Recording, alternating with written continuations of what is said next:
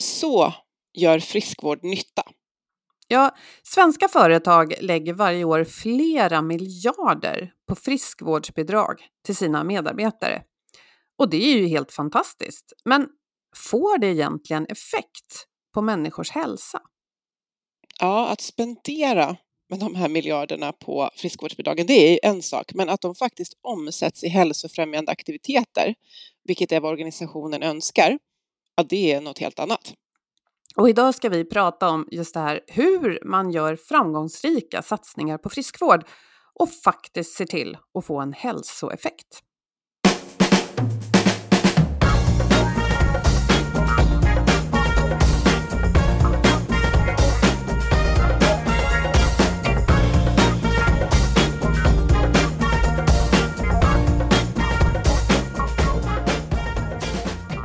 Det samtalet har vi i Health for Wealth där vi i över sju år har poddat om hälsa på jobbet. Eftersom människor som mår bra kan prestera bra.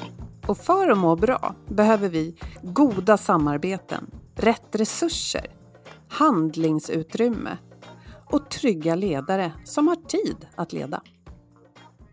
Och i podden tar vi ett helhetsgrepp på hälsa på jobbet. Vi är Ann-Sofie Forsmark, hälsostrateg och ledarskapskonsult och driver organisationen Oxigroup. Och Boel Stier som jobbar med kommunikation och marknadsföring. Varje vecka delar vi inspiration, idéer och tips för ett bättre och mer hållbart arbetsliv. För dig som är chef, ledare, dig som jobbar med HR och alla medarbetare såklart. Boel, jag är lite nyfiken. Vi har inte pratat om det här. Får du friskvårdsbidrag? Ja, det får jag. Vad, jag tänker inte fråga om hur mycket om du inte vill berätta, men vad gör du med ditt friskvårdsbidrag? Ja, eh, precis. Eh, eftersom jag fakturerar från en egen firma har jag valt att ta ut fullt friskvårdsbidrag och det lägger jag på framförallt dans och även lite yoga det här året. Och du då? Har du, mm. har du hästvårdsbidrag? Ja, det har jag. Jag har hästvårdsbidrag och faktiskt eh, så har jag ett, ett gymkort som jag har också, ekonom som jag är, då räknat ut liksom, hur många gånger behöver jag gå till det här gymmet för att det ska kännas värt det och eh, det ligger precis utanför min dörr. Eh, så att jag nyttjar också Max, mm. absolut. Och är ju som sagt anställd i mitt bolag så att jag betalar ut det där också och kan styra också över det. Eh, och vi hör ju till den skaran, den stora skaran som har friskvårdsbidrag i Sverige. 85 procent som arbetar visar sig ha det. Eh, men det visar sig också att mindre än hälften och vi får se om vi får lite uppdaterade siffror på det här, nyttjar det här fullt ut. Och eh, jag har gjort reflektionen, som jag jobbat med de här frågorna länge nu, att eh, eh när jag började mitt arbetsliv, då då blev man liksom, åh, åh, får man friskvårdsbidrag här? Åh, tack så mycket. Och jag tycker att det har skett en förflyttning till att man mer frågar, jaha, hur mycket får man här då? Och eh, när får vi mer? Alltså det har blivit någon typ av hygienfaktor, att det här ska man ju liksom bara ha. Eh, men vi ska sluta spekulera själva kring det här. Vi har tagit med oss någon som kan betydligt mycket mer och det känns jättekul att vi har med oss Oskar Halling Ullberg, doktorand i folkhälsovetenskap vid Mälardalens universitet. Och du har ju verkligen ja, både tittat och forskat på det här, så välkommen Oskar! Tack så mycket! Vad om du, nu måste vi bara fråga dig samma, samma fråga som vi har bollat sinsemellan här. Får du friskvårdsbidrag och, och vad använder du det till om du vill berätta förstås? Ja, vi har friskvårdsbidrag hos oss och det har gjort en ganska bra ökning eh, från pandemin och legat kvar därefter, vilket jag är ganska positiv till. Så det var en ökning på hela 1000 kronor under pandemin som sen fick ligga kvar här efter. Så det har 3000 kronor här. Och dessutom gjorde man steget nu över till en förmånsportal där man levererar friskvården, vilket vi kommer komma in på tror jag en hel del under det här samtalet om vilka fördelar och nackdelar det kan ha. Mm. Vill du berätta vad du använder ditt friskvårdsbidrag till? Jag använder mitt fullt ut till ett gym som ligger precis eh, rätt över byggnaden här och väldigt nära mitt hem. Eh, så att jag försöker passa på på lunchen, eh, innan jobbet, efter jobbet att smita in och jag kan nog garanterat komma upp i att jag ekonomiskt sett nyttjar det så att det blir en bra hälsovinst och ekonomisk vinst för min del. Härligt att höra. Det är precis sådana där win-win man, man vill ha. Ja, vi är ju jättenyfikna på den forskning som du, alltså specifikt i en studie tror jag vi kommer komma in på, mm. men också generellt, liksom som doktorand i folkhälsovetenskap, jag säger där ute inom citationstecken. Eh, men jag tänker, och det här har jag tänkt är väldigt viktigt att börja med, det är faktiskt att definiera vad friskvård handlar om. Vad mm. är det? Vad är det som definierar det? När, när, vi jobbar inom, inom forskningen så försöker vi alltid söka oss efter definitioner på olika begrepp. Det är liksom fundamentalt i allt vi gör. Och jag brukar jobba mest utifrån det europeiska nätverket för hälsofrämjande arbete. Och de menar ju på att hälsofrämjande arbetsplatser, det är en gemensam satsning av arbetsgivare, arbetstagare och samhället för att förbättra hälsan och välbefinnandet för människor i arbetslivet. Och detta arbete brukar man ha, så här, man beskriver tre fokusområden. Och ett, det är arbetsorganisationen och arbetsmiljö. Två, aktivt deltagande inom organisationen och det gäller ju både anställda och chefer. Och vikten av den personliga utvecklingen. Men det här är ganska luddigt och, och mycket luddigt, måste väldigt, väldigt mycket av allt möjligt från psykologiska miljöfaktorer, friskfaktorer, you name it. Och för att stärka upp det här så brukar jag ta hjälp av den amerikanska motsvarigheten då, som CDC har tagit fram. Och den fokuserar väldigt mycket mer på det som jag kanske framförallt forskar och jobbar med. Fysisk aktivitet, preventionsarbete i form av kostrekommendationer, rökavvänjning, alkoholavvänjning, eh, kurser, utbildning kring hälsa men också då hälsokontroller, alltså det som företagshälsovården ägnar sig åt, att göra, ta blodtryck, konditionstester och liknande. Ja, men det var ju mycket mer tydligt. Det handlar om individen, mm. det handlar om fysisk aktivitet, vad man äter och även då eh, att hjälpa människor att eh, ja, komma ur beroende. Mm. Mm. Och det blir ju någonstans upp till varje organisation att bestämma vad ska ingå i mitt hälsofrämjande arbete eller friskvårdsarbete, vad man nu vill kalla det. A lot can happen in the next three years. Like a chatbot may be your new best friend. But what won't change? Needing health insurance. United Healthcare Tri Term Medical Plans are available for these changing times. Underwritten by Golden Rule Insurance Company, they offer budget-friendly, flexible coverage for people who are in between jobs or missed open enrollment. The plans last nearly three years in some states, with access to a nationwide network of doctors and hospitals. So for whatever tomorrow brings, United Healthcare Tri-Term Medical Plans may be for you. Learn more at uh1.com. Hi, my name is Danny Pellegrino from Everything Iconic, and I'm excited to talk to you about Club Med. Club Med operates beach and mountain resorts and is the best all inclusive getaway for families. They have Club Med Punta Cana, their flagship family resort, and many other options in Mexico, the Caribbean, and around the world. Club Med are the pioneers of the all inclusive concept, which is the best way to vacation. Great for families, groups, or even solo travelers looking for land and water sports, delicious food food, and a place to make unforgettable memories. Visit clubmed.us, call 1 800 Club Med, or your travel advisor. Mm. Och för mig blir det som två spår. Eh, men dessa två spår måste samspela för att vi ska då uppnå en hälsofrämjande arbetsplats där individanpassade insatser med fokus på friskvård och hälsa kombineras med det här bredare spåret med organisator, organisatoriska insatser. Just det. Får, jag, får jag bara skjuta in där, organisatoriska insatser, det kan väl vara sånt som eh,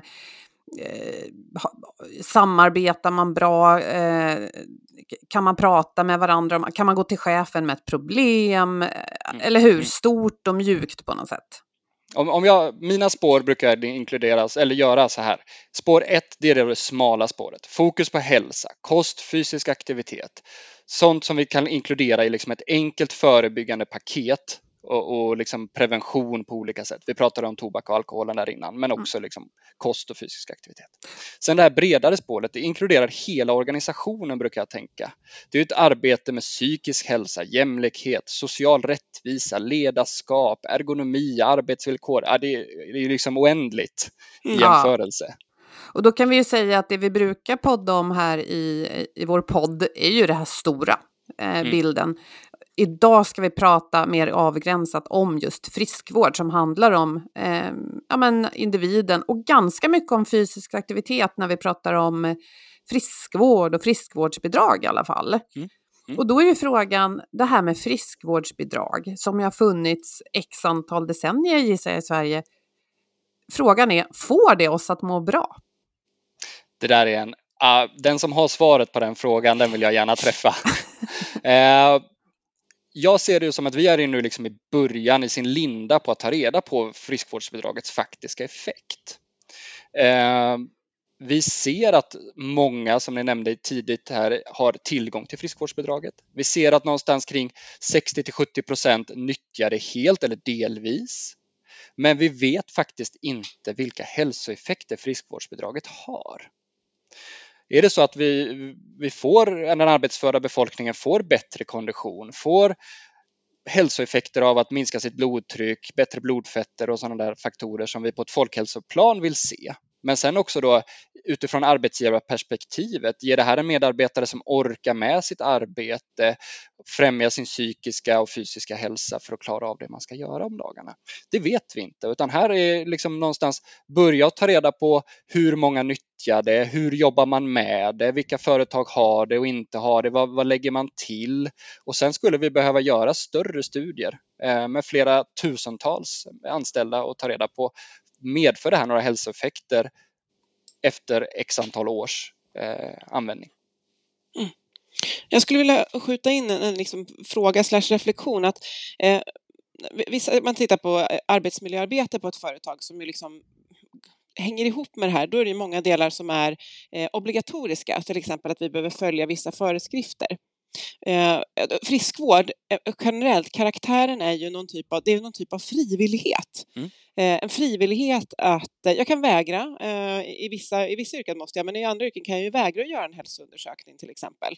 Att det är ju sådana frivilliga karaktären är ju väldigt speciellt för friskvård, att det här kan vi bjuda in och uppmuntra till på alla sätt, men eh, individen har en möjlighet att, att välja, vilket ju är anledningen till att, alltså annars, det betalas inte ut friskvårdsbidrag, utan eh, vad heter det, det rekvireras ju genom att man, eh, man använder det till någonting. Så jag tänker det är en viktig dimension här att det faktiskt bygger på att jag vill.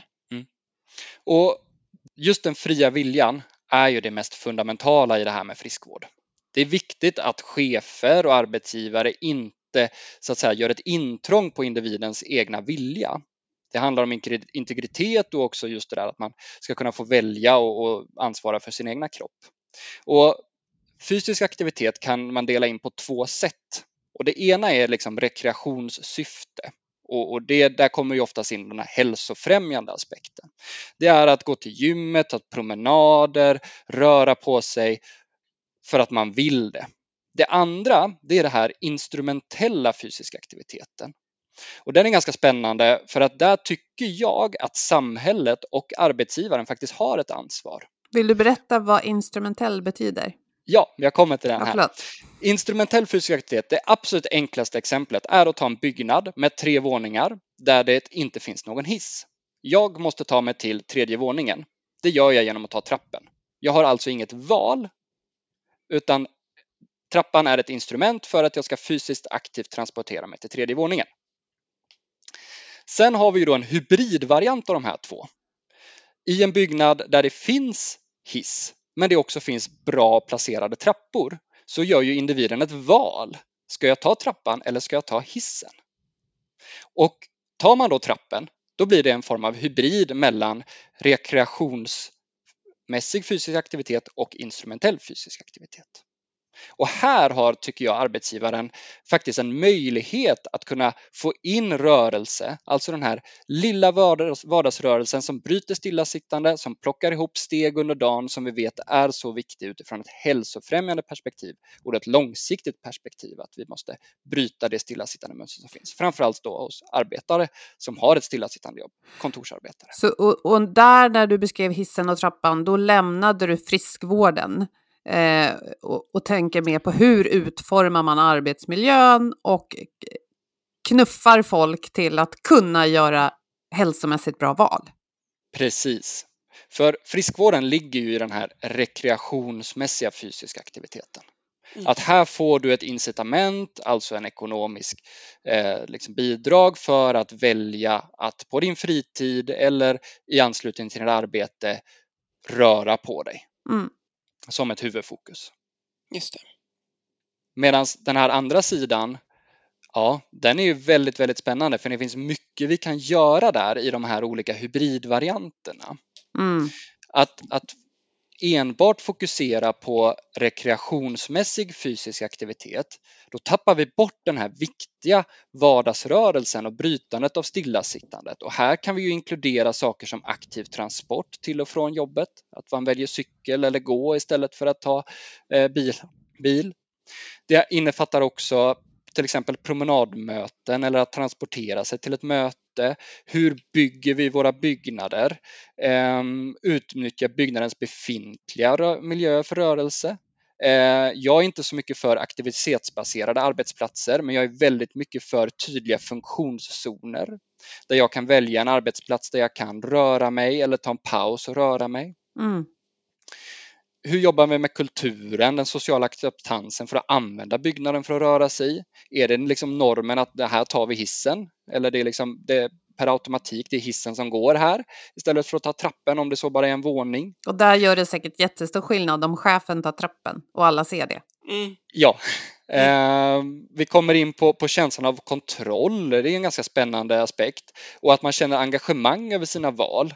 Mm. Ett, ett typ, typexempel kan ju vara den här, genom att cykla till jobbet bidrar jag till min hälsa, planetens hälsa, men också andras hälsa. För du, du, du, släpper inte ut, eh, du släpper inte ut en massa elände med din bil. Mm. Exakt. Mm. Jag tänker det du beskriver nu, någon typ av friskvård insprängt i, eh, som du säger, med, med ett syfte, med, men också det här rekreationella säga rätt ur rekreationella, jösses vilket svårt ord, eh, så, så spränger vi liksom in friskvården på något sätt i, i arbetet. Mm. Eh, och, och, och, jag tänker att vi, det, det är ju väldigt liksom intressant dimension som jag tänker att när man pratar friskvård så kanske man inte tänker så mycket på den utan man tänker nog väldigt mycket kring friskvårdsbidraget och sen det som du kom in på att som jag också ser att allt fler och fler har, för att göra det möjligt så har man en typ av portal där man ju kan både få till väldigt bra eh, erbjudanden mm. genom, liksom, tillsammans med företag och så vidare. Men det gör det också betydligt enklare för medarbetare att eh, både få, få tillgång till det de vill använda pengarna till men kanske också få förhoppningsvis inspiration eh, beroende på hur den här är uppbyggd till att du kanske behöver det här. Liksom. Så, vad, du, du var inne på det, det här med portal. Mm. Varför mm. är det så bra och viktigt? Vi har ju försökt att studera då, vilka faktorer tittar företag på och arbetar med för att se till att förbättra sitt friskvårdsarbete. Och det vi har sett då, det är ju några olika nyckelfaktorer där friskvårdsportal lyfts fram som en viktig bit. Om vi då börjar i ändan tillgång till friskvård så är det ju då ett tillgången till ett friskvårdsbidrag så har vi ju sett där att friskvårdsbidraget måste vara i en viss nivå som är ungefär i nivå med marknadspriser för att det ska vara attraktivt att använda. Är det bara en tusenlapp så känner många att äh, det är för mycket jobb att hålla på och skicka in kvitton och ha sig och, och redovisa istället för att bara ja, jag, jag får ta hela kostnaden eller så blir det ingen alls. Så att där har vi sett att någonstans upp mot 3000 kronor så ser man att det successivt höjer företaget årsbasis eller ett par år emellan så ser vi att fler och fler börjar ta ut det. Det som vi också har hört från företag i samband med intervjuer är just att man ser en ökad nyttjandegrad i samband med den här formen av då friskvårdsportaler eller förmånsportaler där man kan skapa ett erbjudande av olika aktiviteter som den anställde kan köpa. Det underlättar ju för dem som kanske ska skaffa ett gymkort första gången eller är, är sugna på en annan aktivitet. Man kanske vill prova på ridsport eller eh, golf eller vad det nu kan vara. Och därigenom så kan ju då företaget också med hjälp av det här företaget som levererar den här förmånsportalen nischa och rikta in sig. Ja, men vad är det vi vill att våra arbetare ska se först och främst? Och sen den som är inbiten och given, ja, den kommer söka upp det den vill ha. Och det man också hör från företagen är ju att de här portalerna tar bort allt som har att göra med hantering och redovisning. Det är ofta så enkelt att du bara går in i appen, klickar på det du vill ha och så har du din så att säga, balans av friskvårdspengar som ligger där och så blir den mindre och mindre eller om allting går åt på en och samma gång. Ja, men du slipper helt enkelt ligga ute med pengarna också. Du slipper ligga ute med Mm. pengarna och det har man sett i en annan studie att just att ligga ute, out of pocket payment som man säger i, i litteraturen då, är någonting som man ska helst undvika på olika sätt när det kommer till friskvårdsbidrag och hantering. Men det är ju ganska smart, plus att den där administrationen är kanske inte att förakta heller. Att många tycker att det är jobbigt, att man har fullt upp i vardagen med att Mm. rusa hem och hämta ungarna och laga mat och så blir det inte av. Liksom. Mm. Och många företag eh, som levererar olika friskvårdstjänster idag är ju anslutna till de här olika stora jättarna till portaler. Ehm, så det gör ju att saker och ting blir väldigt lätt och smidigt hanterat både för företaget men sen också då för de här leverantörerna. Ja, Eh, och vet du, när jag, jag läste en text som, eh, där du var intervjuad och så såg jag så här, ja men han förordar verkligen portal. Och så tänkte jag, visst är han forskare? Jo, det är han. Så vi kan ju vara tydliga med det, att du jobbar ju inte tillsammans eller för någon som driver en sån här portal, utan det har Nej. ni sett i forskning. Jag är helt opartisk, utan det här är berättelser från intervjuer med företag som har gått från att inte ha portal till att införa portal Mm. och ser att det kraftigt ökar nyttjandegraden. Eh, vi ser också då att HR-personer som vi intervjuat beskriver att det här underlättar deras arbete. Eh, och man får också fördelaktigt ut statistik på vad är det som faktiskt köps eh, för de här pengarna. Det som man ska ta i beaktning är ju att det är en ganska stor investering så det är faktiskt företag som väljer att inte ha en förmånspåtal just för att det är en sån stor kostnad för företaget. Mm, just det. Det måste man ju ha i beaktande. Vad, nu, nu tänker jag ställa en fråga eh, här som, eh, för jag tycker det här är så intressant eh, med den här portalen är att man kan se vad människor använder sitt friskvårdsbidrag till. Eh, tror du, eller har du sett att människor använder sitt friskvårdsbidrag till det som, de, som får mest effekt på deras hälsa? Nej, tyvärr har jag ingen kännedom och kunskap om det och det är någonting som jag framöver vill studera. Eh, Mm. Jag skulle vilja samarbeta med de här stora jättarna eh, till portaler och få tillgång till deras data och tillsammans med dem publicera. Vad är det som framförallt nyttjas? Eh, Och då i relation till vad får vi bäst hälsoeffekt utav? Det Mm. lilla jag vet från företag jag intervjuat så är det väldigt högt och lågt i de kontoslagen. Allt från då gym och löpgrupper, digitala träningspass blev väldigt populärt under pandemin för att höja puls eller få jobba med rörlighet och ergonomi. Ehm, men det finns ju också mycket som är tillfälliga lösningar eller tillfällig friskvård, ett, ett liftkort eller eh, ehm, liknande. Där Man, du, man kanske ja, går och tar en massage en gång och så bara en massage en Mm. gång är ett Mm. typexempel liksom. och, och det är ju skönt för den stunden och du kanske mår bra den veckan. Eh, men det är ingenting som ger någon hälsoeffekt på lång sikt. Men du, det du nämner här eh, med portalen, det är ju ett sätt att sänka tröskeln.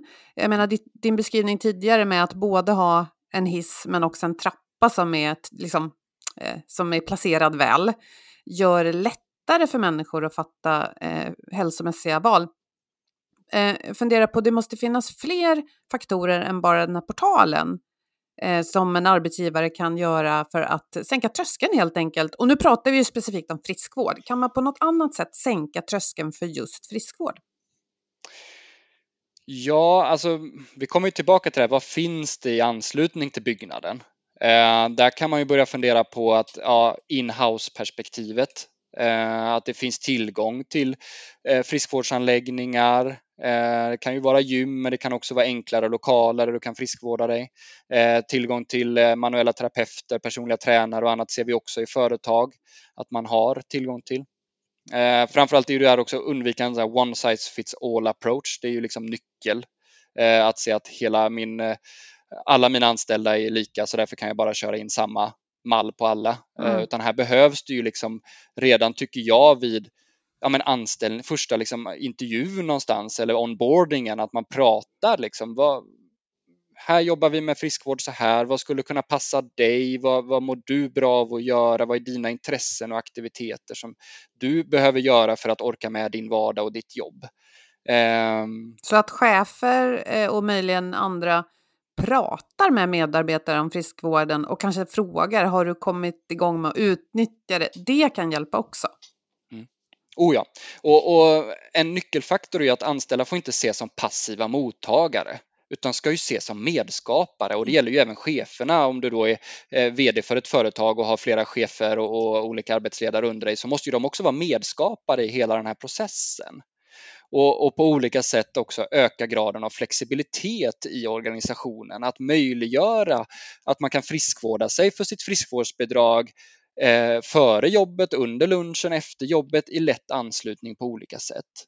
Eh, och det ser ju väldigt olika ut hur mycket man kan öka flexibiliteten i, i olika företag. Det vi forskar på är ju framförallt kontorsföretag och där har vi ju tack vare pandemin gjort enorma framsteg när det kommer till flexibilitet. Men alla kontorsarbetare är ju inte stöpta i samma mall heller. Eh, telefonister, men även då enligt svensk definition så har vi sjuksköterskor som klassas som kontorsarbetare. Eh, så att här måste vi ju tänka i ett väldigt stort perspektiv och återigen individanpassa. Alla passar inte in i samma mall. Kan det vara så att ett företag är väldigt stolta över att visa upp, eh, titta här nyttjas eh, friskvårdsbidraget av så här många och så kanske det är 85 procent istället för standarden som är någonstans vid 60. Mm. Men så är det i verkligheten så att folk har betalat för saker de inte använder. Kan det vara så? Mm. Det kan mycket väl vara så och där har vi ju en stor fråga att, nöta ut och reda ut. Um, det finns ju en, en norsk studie, eh, nu har jag svårt att referera till den, eh, men som visade på bara allmänt alla köpta gymkort vid årsskiftet, alltså nyår. Mm. Eh, och nu har jag inte exakt siffra, det hade varit spännande att komma tillbaka till den. Eh, men där man såg att det är faktiskt väldigt många gymkort som bara ligger i plånboken eller i en låda och, och faktiskt inte utnyttjas. Mm. Så absolut, det finns nog ett stort mörkertal. Um, och, och, det är det här det viktiga kommer in i balansen mellan den här rekreationsmässiga fysiska aktiviteten och den här instrumentella fysiska aktiviteten som faktiskt arbetsgivaren kan göra någonting åt och som vi ser har effekt eh, och når en stor massa. Så helt enkelt det, det, man kan göra på plats där alla jobbar, åtminstone delvis? Och, och sen, jag, jag ser ju det här, eh, det, det, är ju, det finns ju ett hälsofrämjande initiativ och ett driv bland många företag idag. Och det är ju någonting som arbets, eller vad säger, arbetstagare efterfrågar. Liksom. Man söker sig till företag som främjar hälsa idag. Och det här står ju å andra sidan i, i liksom kontrast mot de organisatoriska prioriteringarna och, och framförallt ekonomiska intressen kan ju vara något som faktiskt hindrar hälsofrämjande initiativ och arbeten. Och här behöver vi ha ett långsiktigt förändringsarbete. Det går inte bara att smacka in, ja nu sätter vi in ett friskvårdsbidrag och så tror vi att saker och ting löser sig. Så är det ju verkligen inte. Vi behöver en kartläggning som jag pratade om innan. Vi behöver inkludera anställda chefer. Vart ska vi? Vilka mål har vi? Och vilka mål har organisationen?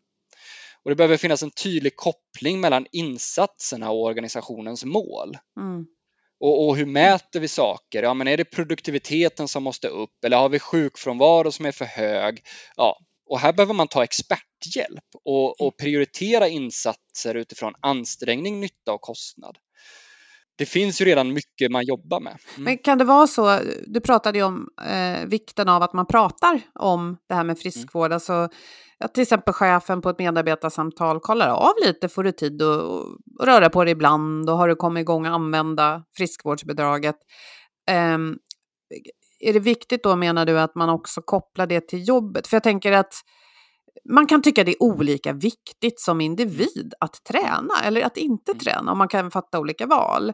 Kanske kan det förändras eller förflyttas i en positiv riktning om en chef säger till mig att men Boel, om, om du till exempel tar trappan varje dag istället för hissen så vet jag att du tänker bättre och då kommer ju du både må bättre och göra ett bättre jobb här. Alltså att man kopplar det till jobbet. Var det det du mm. efterfrågade där?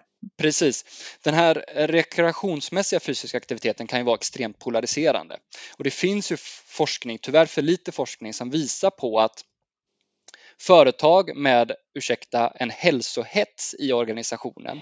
Att här springer vi maraton och här går vi på gymmet varje lunch och annat sånt här faktiskt eh, exkluderar och fryser ute medarbetare, skapar polarisering och mobbning i organisationen, vilket är farligt. Så vi måste passa oss för hur vi uttrycker oss och vad vi säger.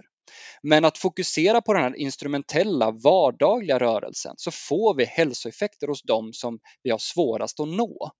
Så att komma med gym och friskvårdsbidrag är nog inte rätt väg att gå där i, i mitt synsätt, utan här gäller det ju att titta på, precis som du lyfte Boel, trappan, ja, men vi tar en promenad på lunchen. Vi går ett promenadmöte istället. Kan vi, du, nu ska jag ringa dig här, men vi, vi, går ut och pratar för det här är någonting som vi bara kan, behöver inte ha en massa anteckningar och annat, utan jag vill bara stämma av.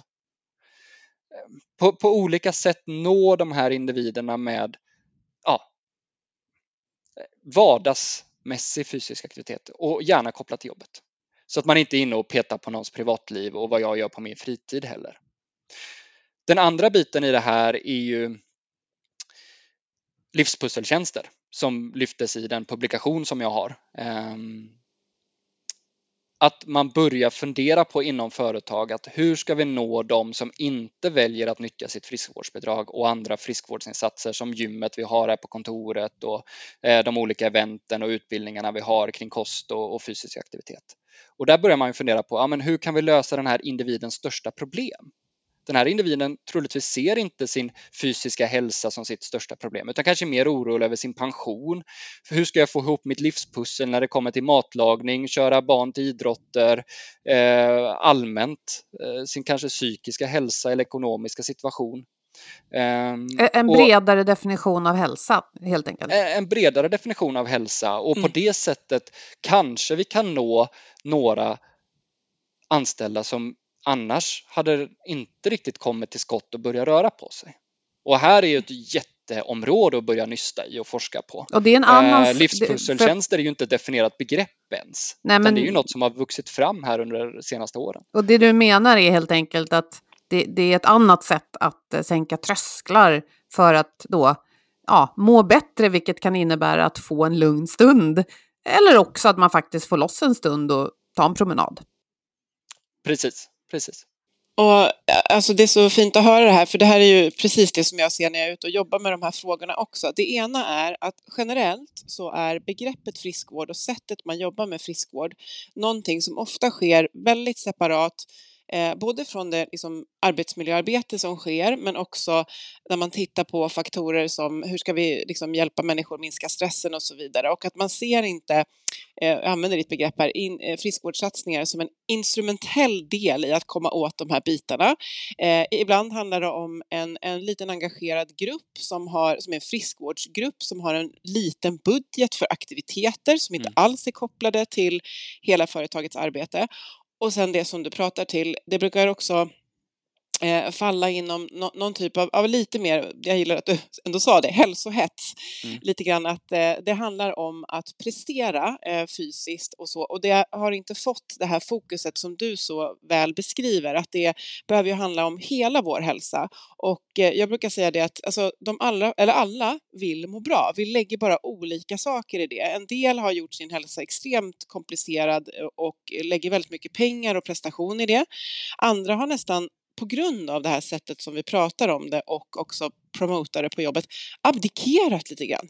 Jag känner att jag är inte inkluderad i det här. Jag skulle kunna tänka mig att ta trapporna och cykla till och från jobbet. Men när vdn kör sitt 71 liksom, eh, hinderlopp och liksom berättar hur viktigt, ja, då, då tappar, nu, nu raljerar jag lite, då tappar man intresset. Så att det finns en enorm potential och det är det som är så kul att höra dig beskriva. Att jobba med de här frågorna på ett sätt som kanske gör att vi om några år med hjälp av kanske studier, men kanske viktigast av allt människors upplevelse själva. Ja, vårt friskvårdsarbete får mig att må bättre för att jag använder det här bidraget eh, till det som får just mig att må bra. Boel går och dansar, jag går och rider, någon annan kanske, jag vet inte, någonting som gör att livspusslet funkar bättre. Få lite bättre. hjälp med, med någon tvättjänst som gör att man hinner hänga med barnen. Ja. Exakt. Ja, att, ett, för, ja. ett, företag som vi har studerat eh, och som jag tycker gör det väldigt bra och spännande är ju att till exempel ha matlådor. Mm. Eh, inte bara ett företag utan två olika koncept kommer jag visa på här nu. Ett företag är ett litet företag med endast eh, runt 60-80 anställda och de köper in sådana här färdiga matlådor och väljer ut och tänker både hållbarhetsmässigt att det är klimatsmart mat som är dessutom då ekologisk eh, men också då nyttig mat. Och så säljer man det till sina anställda i en liten kyl som man kan plocka med sig hem. Och det är inte bara till sig själv utan då kan du plocka med dig fyra, fem, sex lådor då, vad du nu har, hur stor familj du har, eh, för att liksom lösa det där livspusslet vissa dagar. När man känner, jag får inte ihop det idag. Mm, en, ett annat företag har egen restaurang Eh, och via då anslutningstjänster så kan man då köpa svinnmat mm. som istället för att slängas kan du ta hem till dig och din familj. Och det här är vettigt prissatt då eller? Precis, det är vettigt prissatt så att det liksom inte ska vara någon, alltså det, det ska ju gynna den anställde på olika sätt. Mm. Eh, och, och, när det kommer till de här eh, svinnmaten så blir ju den billigare eh, för att man ska minska svinnet då, så att det gynnar ju liksom både planeten och företagen eh, och, och hälsan på sikt då förhoppningsvis. Och jag vill komma tillbaka till det du pratade om Ann-Sofie, för det där är jättespännande. Vad, vad vinner vi på det? Och där vi har som mest att vinna är ju på de som inte rör sig aktivt idag och som har väldigt stillasittande vardag och arbete. Och kan vi ta någon som kanske bara kommer upp i 2000 steg och kommer upp till 5000 steg så får vi jättevinster där. För den som redan är på gymmet tre gånger i veckan och tar ett löppass i spåret på helgen, där kommer vi inte göra några större hälsovinster. Och vi kommer inte heller se några jätteökningar i produktivitet och sjukfrånvaro och annat. Um, risken är att man trycker på och hetsar på så blir det bara ett misslyckande istället. För där kan man också se om man känner sig att nej men jag känner inte att jag presterar nog bra på jobbet. Ja, men jag måste ta på mig en roll som eh, duktig motionär och idrottare och ska springa lopp.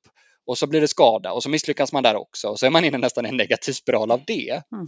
Så att mitt fokus är ju någonstans på att hitta det här instrumentella, det här helhetsarbetet, komma bort från det smala spåret där vi bara tittar på liksom friskvård utifrån rekreationssyfte, svettträning, styrketräning och liknande och istället försöka hitta och titta på hela organisationen. Miljöfaktorer som kan bidra till att vi ökar hälsa bland våra anställda.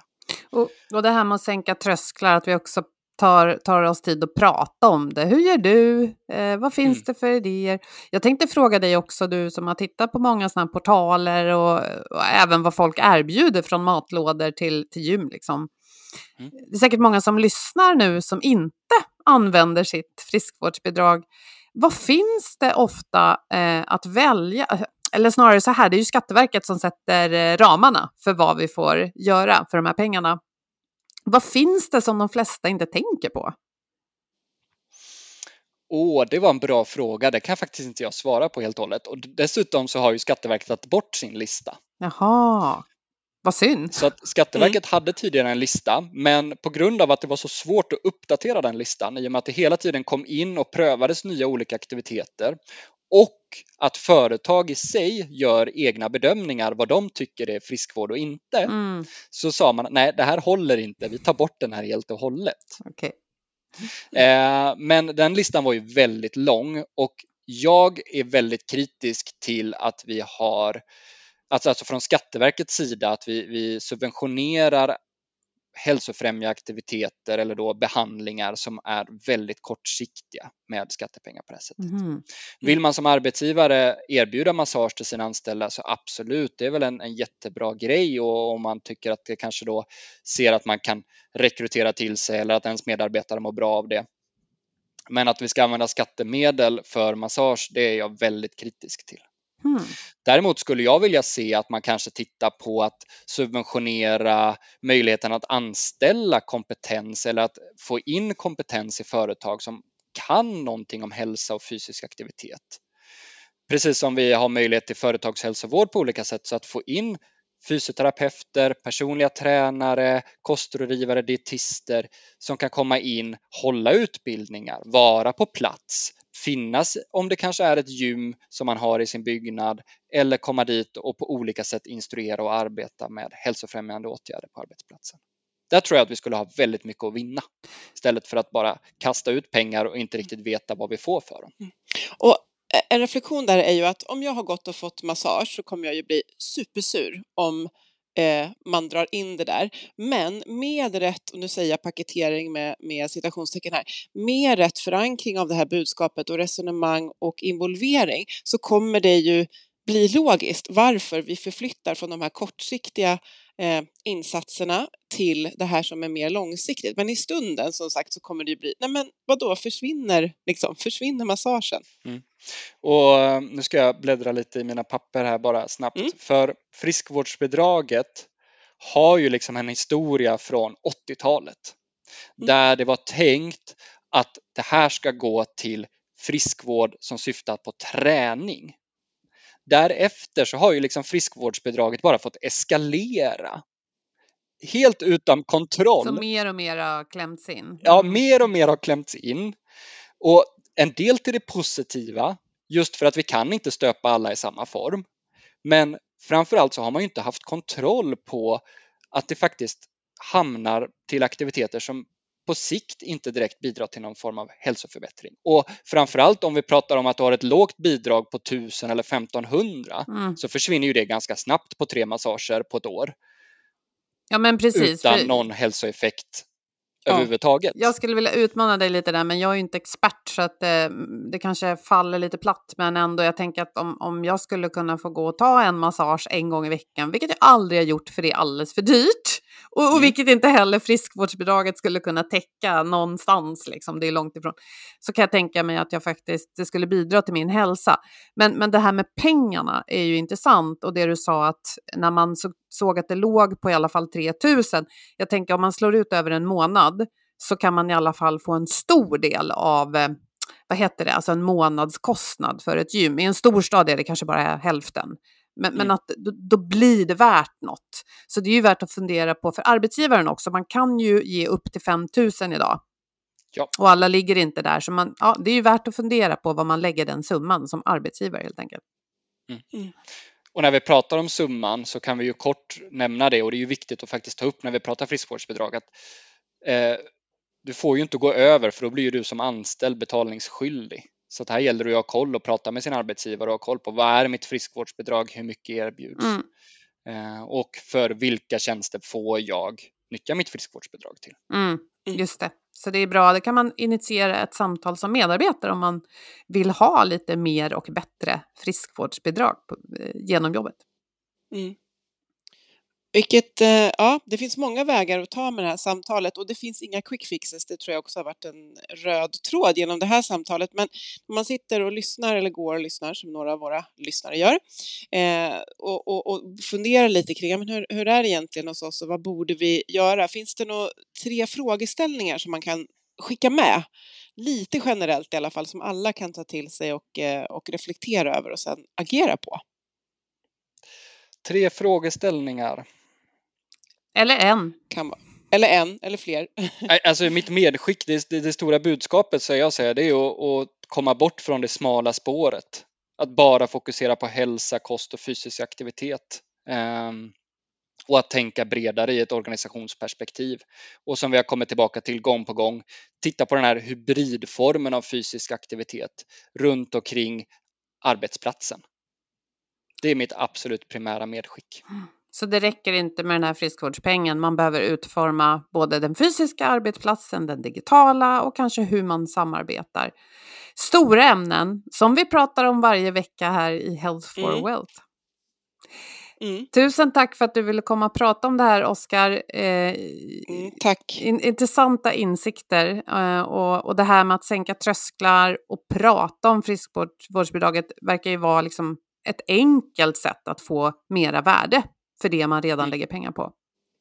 Mm, Helt klart. verkligen. Nej, det, är, det är så mycket i det här att nysta i så Ja. jag vet inte Ja, riktigt men var jag vi ska hör börja. ju att eh, ni har gjort en studie och eh, dessutom så ser, låter det som att du ser fram emot att göra fler och då kanske vi får, eh, an- eller det får vi säkert, anledning till att komma tillbaka till det. Precis. Tusen tack igen Tack. och eh, med det så tackar vi Oskar, jag tackar dig Boel och vi tackar förstås Ayat Almansor på Hi Hat Sounds för det här avsnittet och den här produktionen.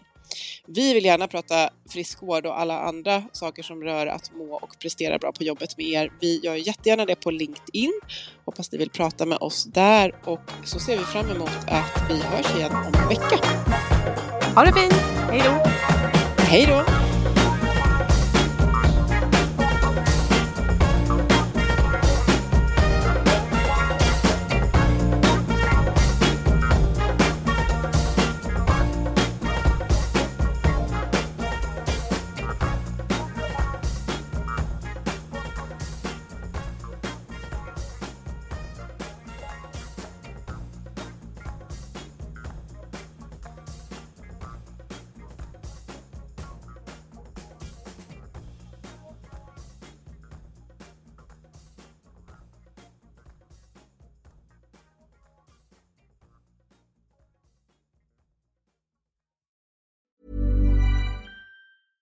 Selling a little or a lot? Shopify helps you do your thing however you cha-ching. Shopify is the global commerce platform that helps you sell at every stage of your business. From the launch your online shop stage to the first real life store stage, all the way to the did we just hit a million orders stage. Shopify is there to help you grow. Shopify helps you turn browsers into buyers with the internet's best converting checkout.